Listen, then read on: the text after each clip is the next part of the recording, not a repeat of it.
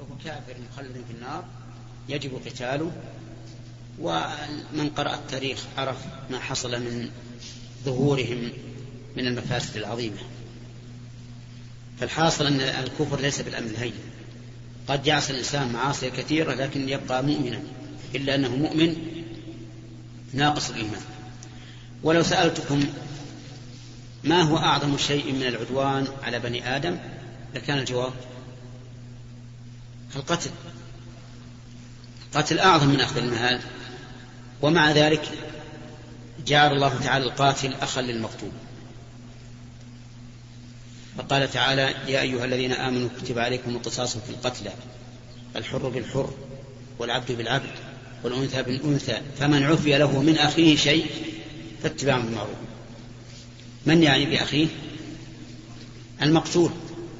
من عفي له من أخيه أي من, من دم أخيه شيء فاتباع بالمعروف وقال تعالى في, في الطائفتين المقتتلتين من المؤمنين وإن طائفتان من المؤمنين اقتتلوا فأصلحوا بينهما إلى أن قال إنما المؤمنون إخوة فأصلحوا بين أخويكم. فأنتم ترون الآن القاتل لا يخرج من الإيمان والمقاتل للمؤمنين لا يخرج من الإيمان. فكيف إذا حلق لحيته أو أرخى ثوبه؟ نقول إنه ليس بمسلم نقول هو مسلم لكنه ناقص الإيمان بما معه من المعاصي. نعم. يا شيخ صلى الله عليك في جماعة. صلوا أحد الفروض وسهى الإمام بالركعة الأخيرة السجدة الأخيرة لم يسجد. وسلم وانصرف المأمومين من المأمومين من, من أتى بالسجدة فارق الإمام. ومنهم من قام وخرج خارج المسجد ومنهم من أعاد الصلاة كليا. فذكر الإمام فانصرف إلى وقام بالسجدة وسلم لم يسجد السهو.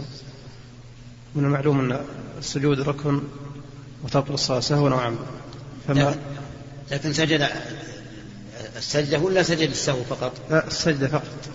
ها؟ السجدة فقط. ولا مسجد السهو؟ نعم ما حكم المأمومين؟ الواجب على المأموم إذا أخل إمامه بركن أو واجب أن ينبه قال النبي عليه الصلاة والسلام إذا نابكم شيء في صلاتكم فليسبح الرجال وليصفق النساء فالواجب على المأمومين أن يسبحوا وأن يلحوا في التسبيح حتى يرجع الإمام وإذا قدر أن الإمام لم يفهم فليقرأوا آية تشير إلى ذلك. مثلا هذا الرجل الذي ترك السجدة الأخيرة وسلم. يجب على المأمومين أن يسبح ويقول سبحان الله حتى ينتبه. فإذا لم ينتبه فليقرأ آية من القرآن تذكره. مثل أن يقولوا اسجد واقترب أو أو آية نحوها تذكره. أما في القضية الواقعة فالذين سجدوا السجدة الثانية وسلموا صلاتهم صحيحة. والذين لم يسجدوا حتى طال الزمن يجب عليهم أن يعيدوا الصلاة من أولها. والذين ذكروا عن قرب ثم سجدوها يجب عليهم بعد السلام أن يسجدوا سجدتين للسهو ويسلم. فأنت اسأل هؤلاء الأخوة الذين حصل منهم ما حصل. من قال منهم أنه لم يسجد حتى الآن فمره بأن يعيد صلاته من أول. نعم. فضيلة الشيخ إن من العادات المتبعة عندنا في بلاد القصيم أن يطلق على أبي الزوجة خال كذلك على أم الزوجة خالة. وبعضهم يطلق عمه وعمه. وبعض الأخوة سمع, سمع منك في تفسير سورة النساء أنه لا يجوز أن يطلق على هذا الاسم على أبي الزوجة أو الأم. فما هو البديل؟ وما صحة هذا الكلام؟ نعم. جزاك الله خير. أما أبو الزوجة فلا يسمى خالا ولا عما لأنه ليس خالا شرعا ولا عما شرعا وكذلك أم الزوجة ليست خالة ولا عمة فلا ينبغي أن يسمى أبو الزوجة خالا أو عما ولا أم الزوجة خالة وعمة وإنما يسمون بالتسمية التي سموا بها عند أهل العلم وهو وهم الأصهار. فيقال صهري فلان أبو زوجة فلان آه، صهرة فلانة أم زوجة فلانة. وأما أن يسموا بأسماء شرعية لا يتصفون بما تقتضيه هذه الأسماء فإن ذلك لا ينبغي. ولا ولكننا لم نقل أنه حرام. ولعل الذي سمع كلامي أي قولي لا ينبغي ظن أن هذا يعني التحريم. فالأولى أن الإنسان يسمي الأشياء بتسميتها الحقيقية الشرعية. ولهذا نهى النبي عليه الصلاة والسلام أن نسمي العشاء بالعتمة صلاة العشاء. وقال لا يغلبنكم الأعراب على صلاتكم العشاء فإنها في كتاب الله العشاء. كما قال تعالى من بعد صلاة العشاء يا أيها الذين آمنوا ليستأذنكم الذين ملكت أيمانكم والذين لم يبلغوا الحلم منكم ثلاث مرات من قبل صلاة الفجر وحين تضعون ثيابكم من الظهيرة ومن بعد صلاة العشاء ثلاث عورات لكم. ولم يقل العتمة. والعتمة هي إعتام الأعراب بالإبل. فنهى النبي عليه الصلاة والسلام أن يغلبنا الأعراب على تسميتنا الصلاة بغير اسمها الشرعي. نعم. بسم الله الرحمن الرحيم. الحمد لله رب العالمين والصلاة والسلام على أشرف الأنبياء والمرسلين. آه، في حديث عبد الله بن مسعود في صحيح البخاري آه، جزء من الحديث آه، قول الرسول عليه الصلاة والسلام والله الذي لا إله غيره إن منكم من يعمل بعمل أهل النار حتى ما يكون بينه وبينها إلا ذراع. الحديث نعم. يوجد في أواسط الشباب من يقول إذا كان الهداية مقدرة أو متعلقة بالمشيئة فلا يعني يكون هناك داعيا إلى أن أعمل الصالحات أو أن ألتزم على طاعة الله عز وجل. فما رأيكم يا شيخ في هذا القول؟ نعم.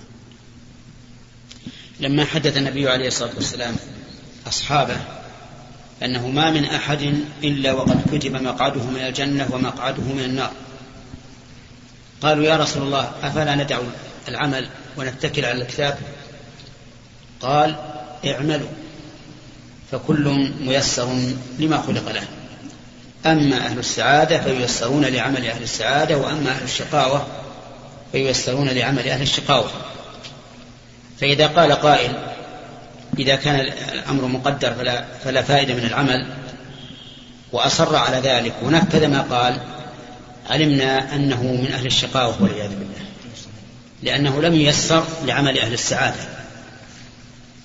ثم نقول لهذا الرجل هل أنت تعلم أن الله قد قدر عليك أنك من أهل الشقاوة حتى تعمل بعملهم؟ فسيقول لا. نقول إذن قدر أن الله كتبك من أهل السعادة واعمل بعمل أهل السعادة. ثم نقول ثالثا أنت الآن لو قيل لك إن البلد الفلاني فيه تجارة كبيرة وهو بلد آمن بلد فيه الساعة الرزق وبلد آخر دون ذلك بكثير. هل أنت تقول لا أذهب إلى البلد الأول؟ لأنه لو قدر لي لذهبت. وتذهب للبلد الثاني أو تذهب للبلد الأول وتقول إنه قد قدر لي. الجواب؟ أنه سيقول الأخير سيذهب إلى البلد الذي يرى أنه أنفع له ويقول إنه قد قدر لي أن أذهب اليه هكذا أيضا طريق الجنة والنار. الجنة والنار لنفرض أنهما بلدان هل تذهب إلى البلد بلد الشقاء والعذاب أو بلد النعيم والسعادة؟ سيذهب إلى الثاني. فلهذا لا يقول ذلك القول الذي أشرت إليه إلا رجل مخذول والعياذ بالله. نعلم أنه إن أصر على ذلك فإنه مقدر عليه أنه من أهل الشقاوة وسيذيق بأس الله عز وجل.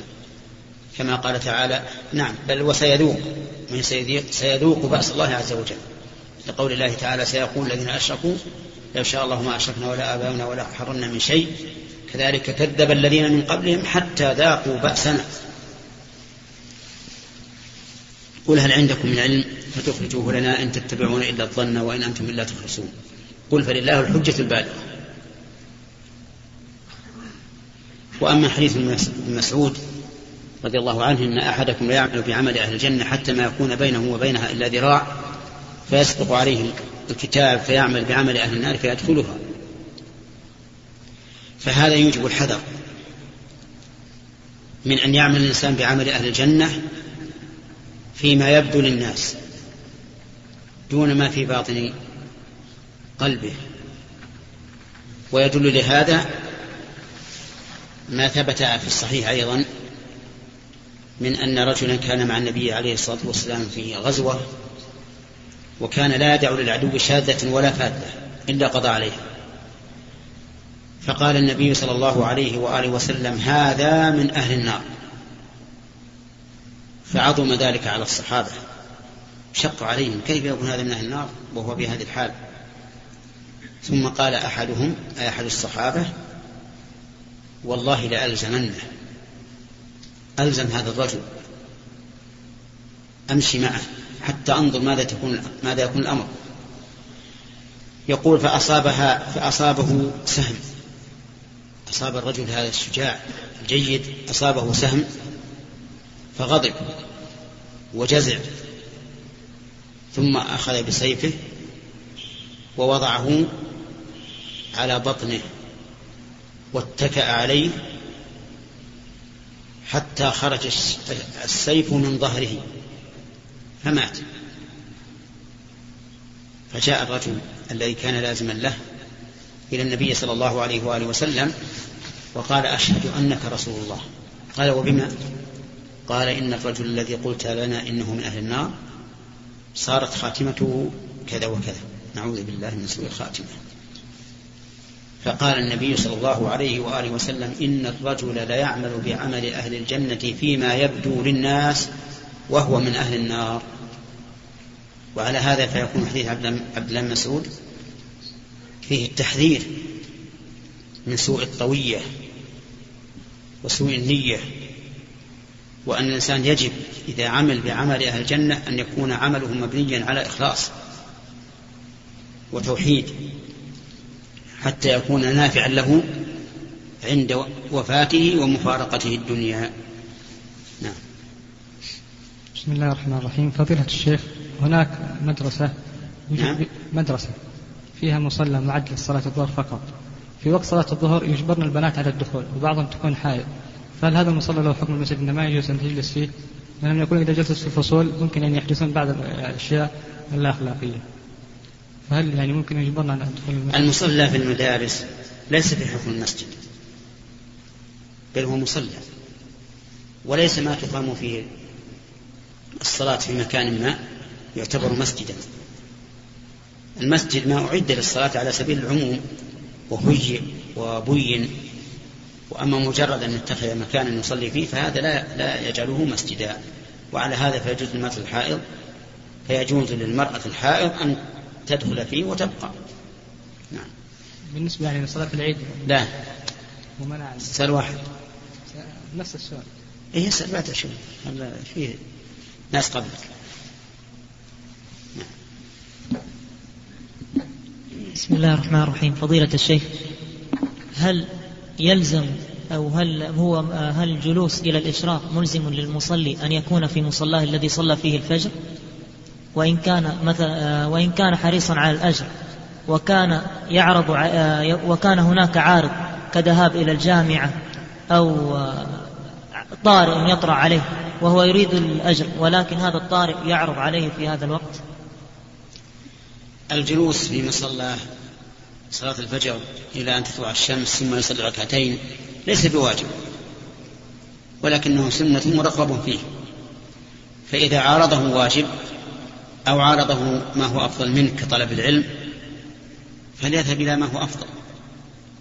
يعني لو قال قائل إن جلست في مكاني هنا في المسجد حتى تطلع الشمس وصليت ركعتين أو أذهب إلى حلقة في مسجد آخر حلقة علمية قلنا الذهاب إلى حلقة علمية أفضل. وكذلك الجامعة. فإن دروس الجامعة دروس علم شرعي فهو أفضل من أن تبقى في مصلاك حتى تطلع الشمس. طيب يا شيخ في نفس السؤال يعني.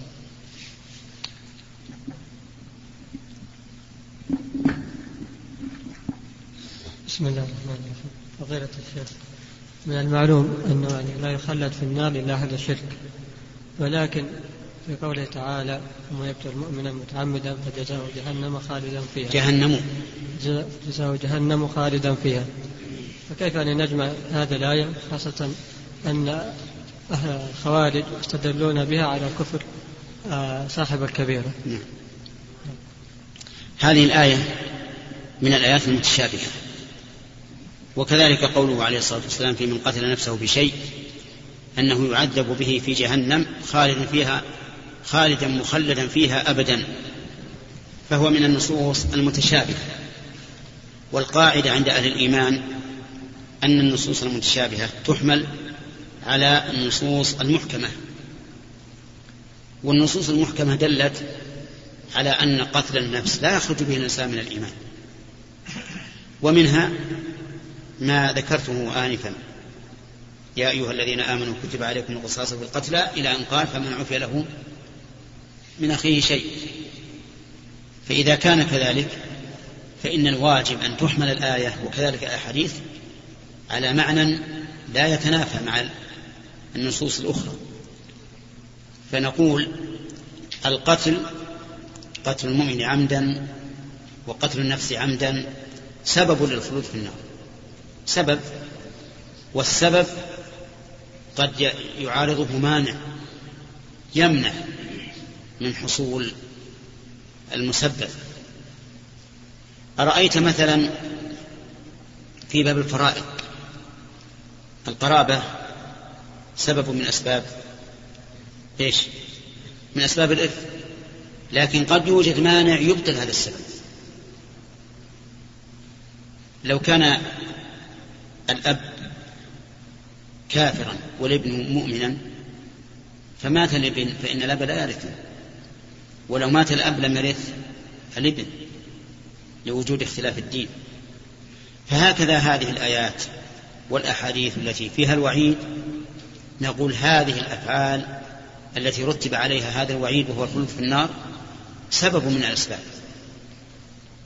وإذا كان سببا فمقتضى ذلك أن يحترز الإنسان منها لأنه قد يكون هذا السبب لا مانع له. كما جاء في الحديث لا يزال الرجل في فسحة من دينه ما لم يصب دما حراما. يعني أن من أصاب دما حراما فإنه يوشك أن يزيغ فيموت على الكفر. فنقول هذا الوعيد هذا الفعل أي قتل النفس المؤمنة عمدا سبب للخلود في النار. هذا السبب قد يوجد مانع يمنع منه وهو الإيمان. فإنه فإن من كان في قلبه أدنى مثقال حبة خردل من إيمان فإنه لا يخلد في النار. عرفت؟ هذا هذا هذا وجه الوجه. الثاني أن هذا في من استحل القتل فإنه يخلد في النار. لكن هذا الوجه لما ذكر للإمام أحمد أن فلانا قال يخلد في النار من قتل المؤمن عمدا مستحلا له. ضحك. وقال إذا استحل قتل المؤمن فإنه كافر سواء قتله أم لم أم لم يقتله فهذا جواب لا, لا, شيء لا ليس بشيء. وقال بعض العلماء في جواب آخر فجزاؤه جهنم خالدا فيها إن جازاه الله. إن جازاه الله. فجعل الآية على تقدير شرط. يعني إن جازاه فهذا جزاؤه وإن لم يجازه بل عفى عنه فإنه لا, يج... لا, لا, لا يحصل له هذا العذاب. قالوا لأن الله يقول إن الله لا يغفر أن يشرك به ويغفر ما دون ذلك لمن يشاء. وقال بعض أهل العلم إن هذا خرج مخرج الزجر. والتنفير وما خرج مخرج الزجر والتنفير فإنه لا يقصد به هذا الحكم بعينه وإنما يقصد تنفير الناس منه كما تقول لابنك. والله لئن فعلت ذلك لأقتلنك. وأنت لو فعله هل تقتله؟ ها؟ أي قد لا تضربه هو قال لأقتلنك هدده بالقتل. وهو لن يقتله لكن من شدة التنفير عبر بذلك. فقالوا إن الله عبر بالخلود في النار في من قتل المؤمن عمدا تنفيرا منه وزجرا. وليس المراد إيقاع حقيقة ذلك. وقال بعض العلماء وهو الوجه الخامس إن الخلود لا يقتضي التأبيد لأن الخلود يأتي في اللغة العربية بمعنى المكث الطويل لا الدائم. وهذا الوجه يمكن أن يجاب به عن الآية الكريمة لأن الله لم يذكر فيها التأبيد لكن لا يمكن أن يجاب به عن الحديث أنه أن من قتل نفسه بشيء فإنه يعذب به في جهنم خالدا فيها مخلدا أبدا. وعلى كل حال فيما أرى أن أحسن الأجوبة الوجه الأول أن القتل عمدا للمؤمن سبب للخلود في النار ولكن هذا السبب قد يوجد فيه ما يمنع فيكون ذلك أو فيكون في ذلك تحذير شديد أن يفعل الإنسان هذا الفعل لأنه سبب للخلود في النار. فإذا فعله كان السبب موجودا محققا والمانع غير محقق قد لا يحصل مانع. نعم. فضيلة الشيخ أحسن الله إليكم. إنسان تهاون في إخراج الزكاة لمدة خمس سنوات. والآن تائب هل التوبة تسقط إخراج الزكاة؟ وإذا لم تسقط إخراج الزكاة فما الحل؟ وهو وهذا المال يقدر أكثر من عشرة آلاف. وهو لا يعرف مقداره الآن. نعم. الزكاة عبادة لله عز وجل وحق للفقراء. فإذا منعها الإنسان كان منتهكا لحقين حق الله وحق الفقراء. أو غيرهم من أهل الزكاة. فإذا تاب بعد خمس سنوات كما جاء في السؤال سقط عنه حق الله عز وجل. لأن الله تعالى قال في كتابه وهو الذي يقبل التوبة عن عباده ويعفو عن السيئات. وبقي الحق الثاني وهو حق مستحق الزكاة من الفقراء وغيرهم فيجب عليه تسليم الزكاة لهؤلاء. وربما يثاب ثواب الزكاة مع صحة توبتهم لأن فضل الله واسع. أما تقدير الزكاة فليتحرى. ما يرى أنه مقدار الزكاة بقدر ما يستطيع ولا يكلف الله نفسا إلا وسعها. فعشرة آلاف مثلا زكاتها في السنة كم؟ مئتين وخمسين.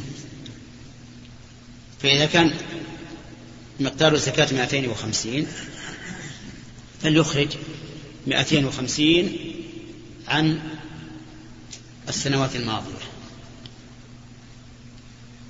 إلا إذا كان في بعض السنوات قد زاد عن العشرة فليخرج مقدار هذه الزيادة. نعم.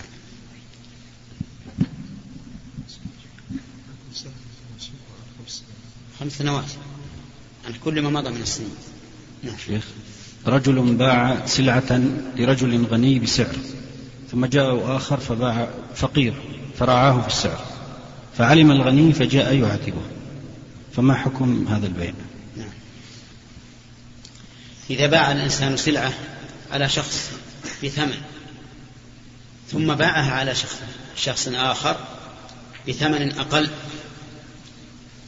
محاباة ومراعاة له إما لقرابة أو صداقة أو فقر أو غير ذلك فليس للأول حق في مطالبة البائع بتخفيض الثمن الذي جرى عليه العقد. إلا إذا كان قد زاد عليه زيادة لا يتسامح في مثلها عن السوق. مثلا باع عليه بمئة وهي في السوق بخمسين. هنا له الحق في مطالبته بتنزيل الثمن إلى ما تساوي في السوق. أما لو كانت قيمته في السوق مئة فباع عليه بمئة ثم جاء رجل آخر فقير أو صديق أو قريب فباعها عليه بخمسين. فليس للمشتري أن يطالبه لأنه لم يقبل ولم يغره بل باع عليه بثمن, بثمن يبيع به الناس.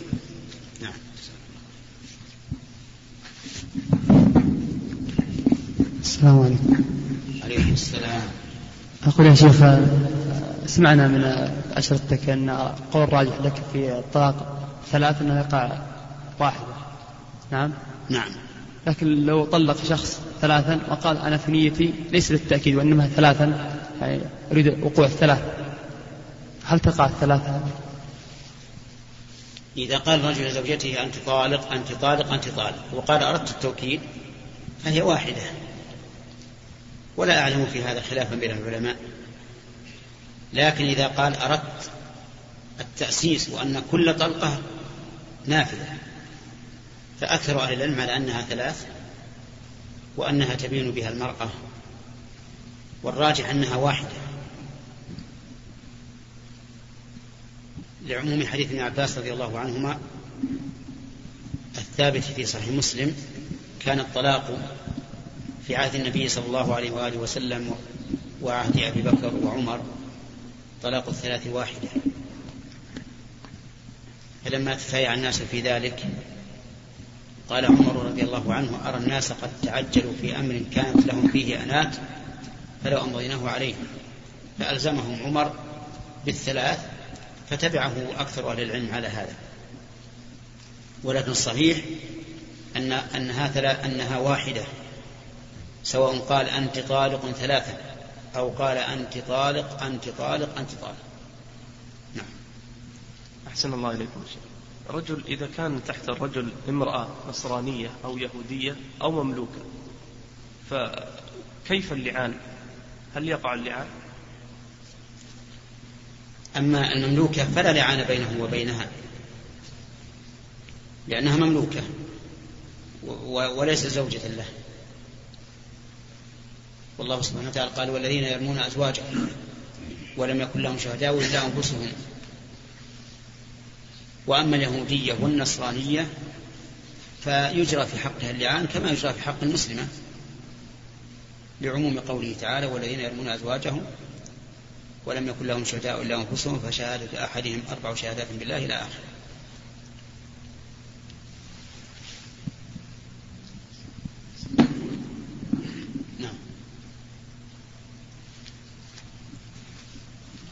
من الأول.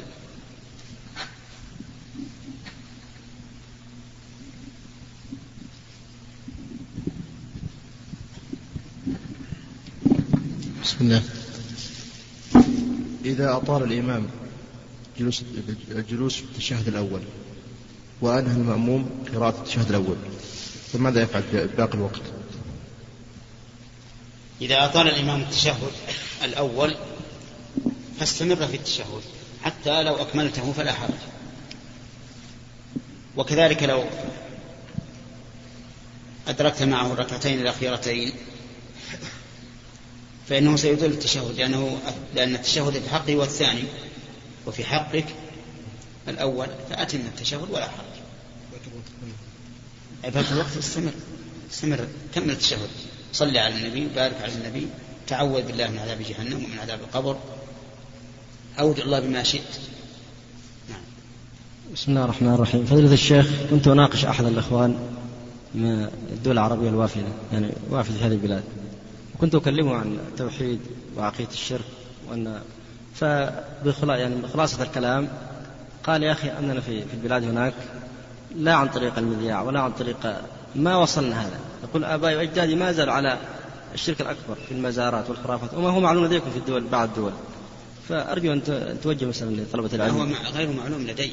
بين لي الآن عشان الأخوان يسمعون. ما هو الموجود في الدول هذه المذكورة؟ يعني مثل زيارة القباب والطواف حولها والنذور وتقديم القربان إلى تلك الأماكن والاستغاثة والاستعانة إلى آخره والتوكل على تلك المشايخ وما يسمون بالصوفية وتفاصيل المعلوم في بابه. يعني خلاصة دعاء غير الله. فيقول الأخ نعم والتقدم ببعض العبادات التي هي معروف منها الاستعانة والتوكل. فكنت أناقشه في هذا فقال يا أخي ما سمعنا بهذا إلا لما وصلت إلى هذه البلاد وأنا أدرس وهو صادق في ذلك. فما السبيل؟ حتى سألني سؤال هو وأنا الذي وجه الآن هو السؤال نفسه. يقول طيب الآن أبي وجدي على تلك العقيدة. قلت ابدأ أنت معهم بعد أن تخرج نفسك وأسرتك إن شاء الله وتجعل وقاية لهم. أيضا إذا وصلت هناك فأرجو أن توجه كلمة مثلا لطلبة العلم وللمدرسين أن يحتكوا بأولئك المدرسين ويجتهدوا في هذا الباب. أقول إن من نعمة الله سبحانه وتعالى على هذه البلاد أن الله سبحانه وتعالى أبقى فيها عقيدة التوحيد في الربوبية في الألوهية في الأسماء والصفات.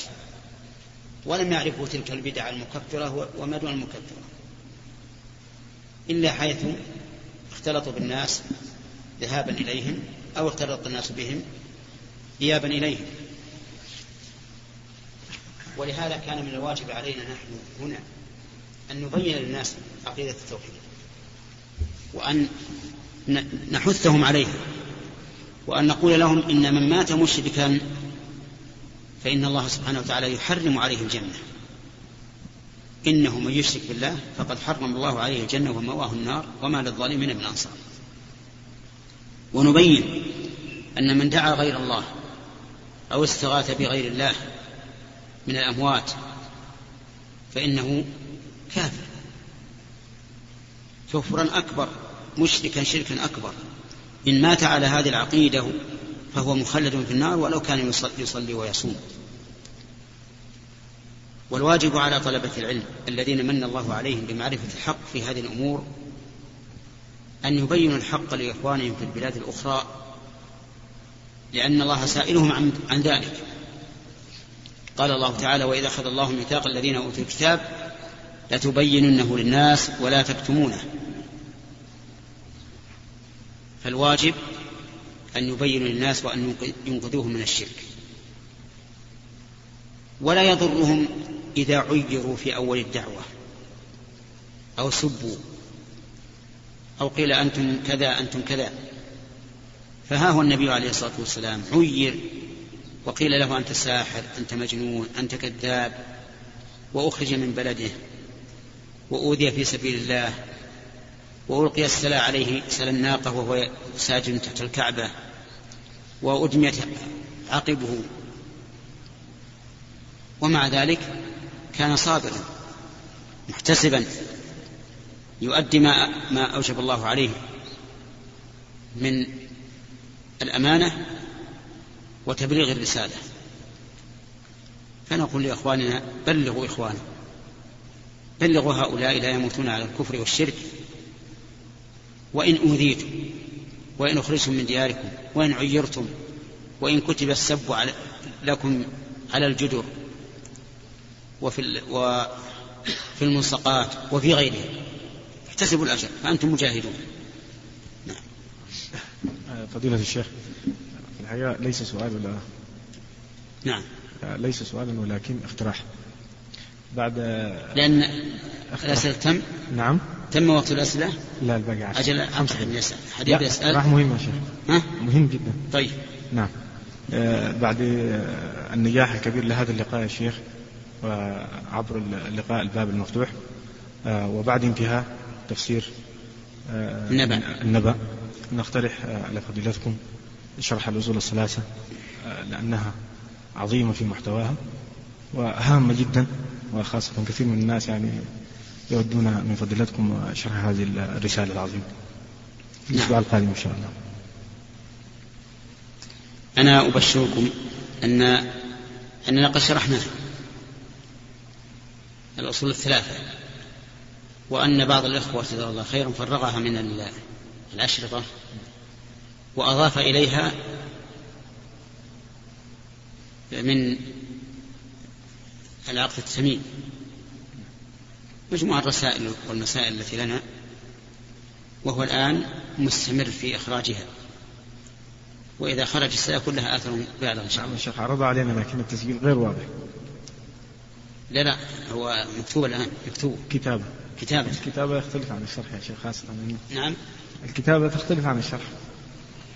إذا جاء الكتاب أي واحد يستطيع أن يمليه على على هذا أنا أريد من من تفسير القرآن أن الجزء الأخير من القرآن جزء عامة يسمعه الناس دائما من الأئمة نعم. في الصلاة وأحب أن الإنسان لا يسمع شيئا لا يفهم معناه نعم. نعم. جزاكم الله لكن لو اقترحت علي أنه في الجلسة القادمة آه، نسأل الإخوة ماذا قلنا في الجلسة الماضية في في تفسير السورة إلا أن هذا قد قد يمنعه أن بعضهم لا يحضر. نعم. بسم الله الرحمن الرحيم. آه، رجل ألح عليه ابنه بشراء سيارة فذهب إلى أحد الشركات وطلبوا منه الثمن نقدا وليس عنده. فرجع وأتى بشخص آخر ليشتريها له. فاشتراها وأخرجها من محلها ثم باعها ثم باعها على هذا الرجل بزيادة. نعم. فما الحكم؟ الصورة الآن واضح لكم؟ إنسان احتاج إلى سيارة وليس معه نقد.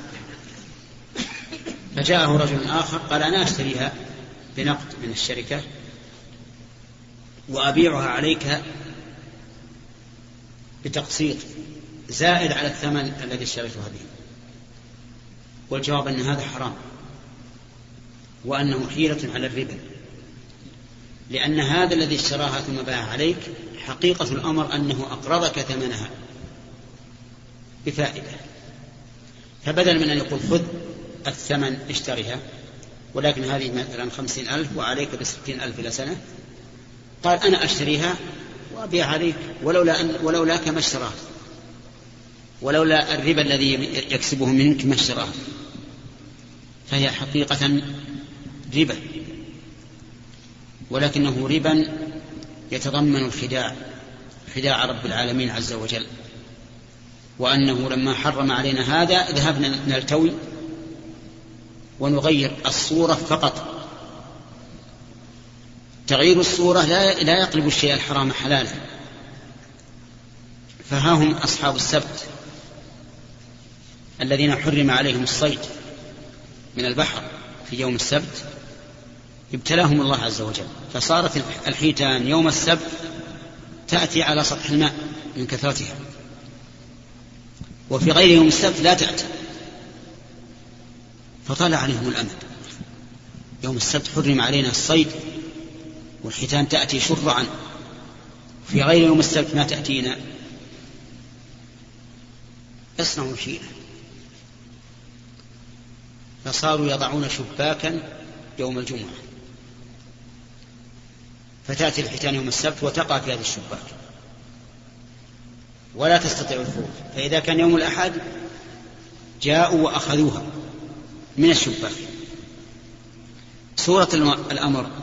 أو سورة الواقع أنهم إيش؟ صادوا يوم الأحد. أنهم ما صادوا يوم السبت. هي التي جاءت ووقعت في الشباك. ما, ما, ما جاءوا بها ولا أمسكوها. فهل نفعتهم هذه الحيلة؟ لا. قال الله تعالى ولقد علمتم الذين اعتدوا منكم في السبت فجعلهم معتدين في السبت. فقلنا لهم كونوا قردة خاسئين. أمرهم الله عز وجل أمرا كونيا أن يكونوا قردة فصاروا قردة يتعاونون وهم بالأمس رجال. لأنهم تحيلوا على محارم الله. ولهذا قال لنا نبينا صلى الله عليه وآله وسلم قاتل الله اليهود. لما حرم الله عليهم شحوم الميتة أذابوا الشحم حتى صار ودكا ودكا ثم باعوه وأكلوا ثمنه. وقال فيما رواه أحمد في المسند بإسناد صححه بعض الأئمة لا ترتكبوا ما ارتكبت اليهود فتستحلوا محارم الله بأدنى الحيل. فهذه المعاملة التي ذكرت هي لا شك أنها معاملة حيلة حيلة على الربا واضحة فهي حرام.